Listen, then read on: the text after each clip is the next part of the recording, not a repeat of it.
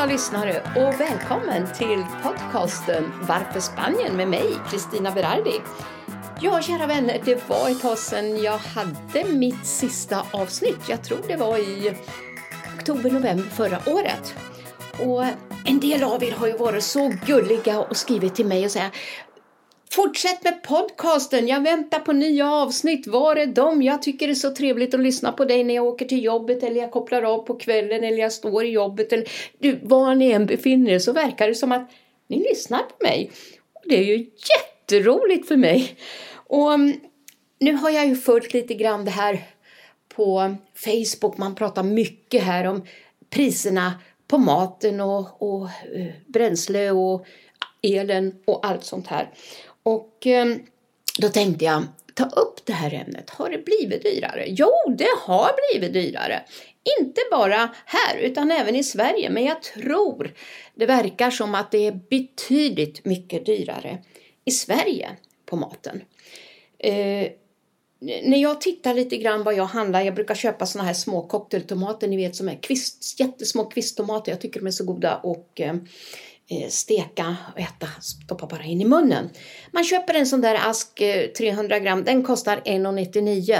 Det är väl då, det här ska man ju ta egentligen gånger 11, någonting, 11,15 tror jag euron står i just nu.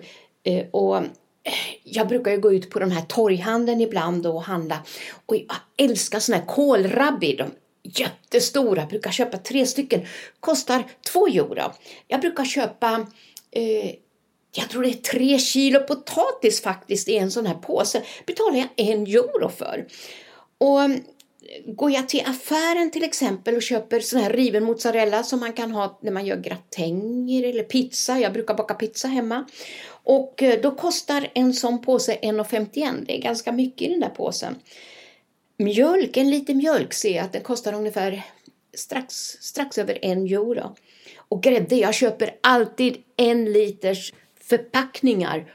Och eh, den grädden, vispgrädden som jag köper, den kommer ifrån Asturien. Bästa grädden, jättegod grädde. Så det är det värt.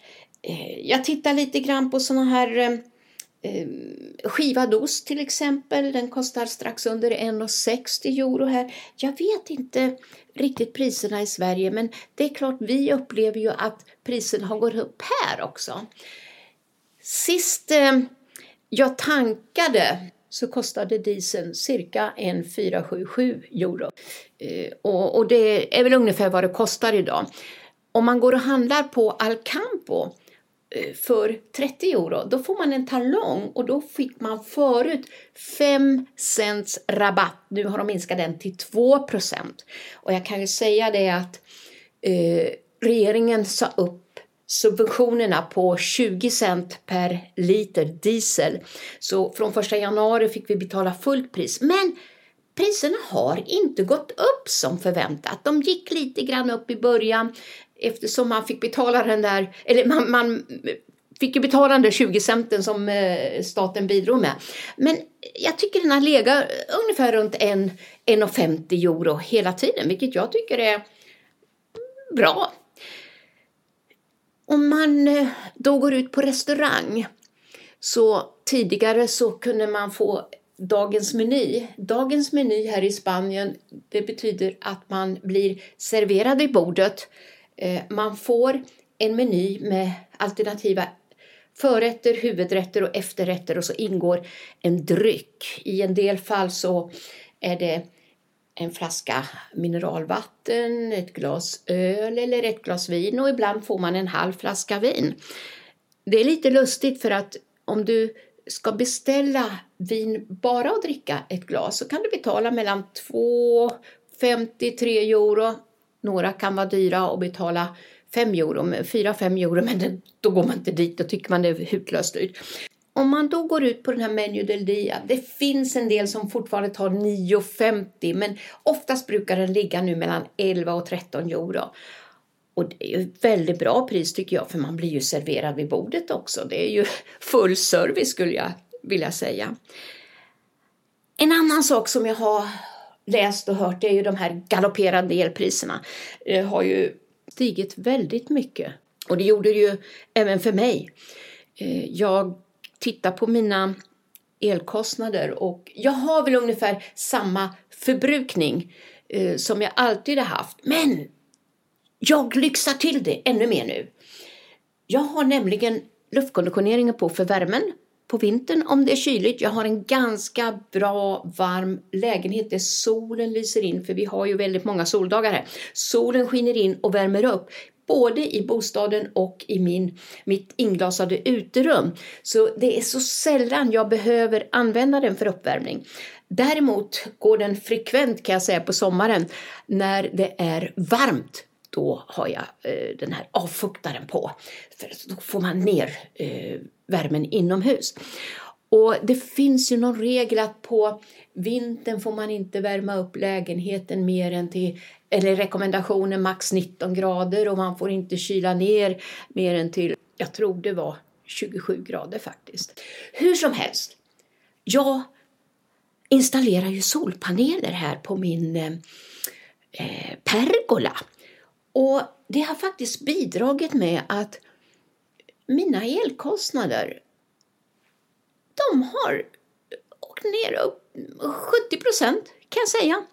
Så mina månadskostnader idag, de kan ligga på, ja vad kan de ligga på? Jag tror jag betalade 60 euro, det är väl 660 kronor. Och eh, nu så är det så här att eh, jag ska sälja min elöverproduktion till elbolaget.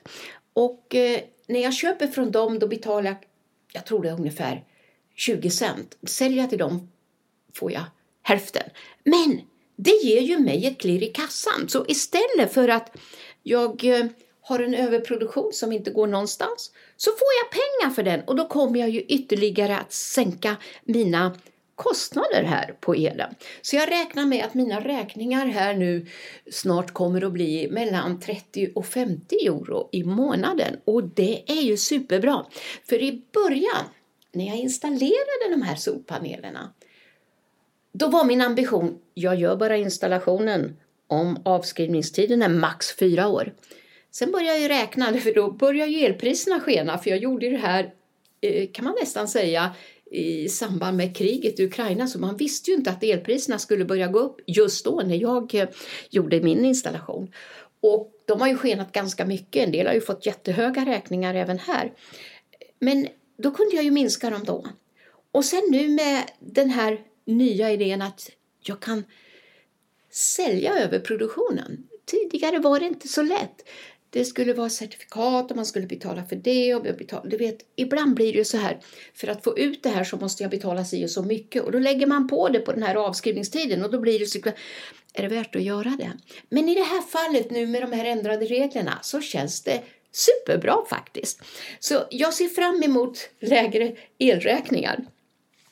Och nu eh, har vi haft sen, vi kan säga sen januari, 19-20 januari, då har vi fått lite molnigt, vi har fått lite kyliga vindar och vi har känt att det var råkallt och tråkigt. För innan hela november, december och januari har varit ljuvligt. Vi har varit här ute med kortbyxor och solat och haft trevligt och ätit utomhus och så blev det stopp på det. Va? Men nu har sommarvärmen kommit tillbaka. Och det, du, man tror inte att det är sant. Jag tittade på termometern, det var 22 grader nu. Då var klockan redan 19 på kvällen. Och förut då när det var så här råkallt ute, om det regnade lite grann, då satte man ju på luftkonditioneringen och man ser ju direkt hur mycket det kostar, hur mycket den drar va? och eh, kan sätta ett pris på den. Så nu kommer vi in i den här tiden när på våren och hösten då behöver man inte ha luftkonditioneringen igång. Då är överproduktionen väldigt mycket. Sen när det blir varmare, då, för att orka med, då vill man gärna ha lite svalt inne. Så jag brukar väl ligga på en 22-24 grader. Inte ihåg, men i alla fall, jag kan ha svalare. Och det kostar liksom ingenting för jag får den här elförbrukningen, den kommer ju liksom gratis från min pergolatak. Så jag måste säga, jag är enormt tacksam för att jag gjorde den investeringen. Och när vi då tittar vidare på fastigheter, det finns ju många fastigheter som är till salu. Det finns många fastigheter under konstruktion just nu och under byggnation. Och då vet jag ju att det finns nya tak där man har lagt in solpanelerna så man får det direkt. Jag undrar hur taken är här på de nya husen som håller på att byggs. Det är lyftkranar runt omkring mig så jag kan lova här kommer det att se annorlunda ut om bara några år. Men det här är ju, för mig är det väldigt viktigt med solpaneler för det har ju med miljön att göra. Jag vill ju bidra till en fin miljö för barn och barnbarn och efterlevande.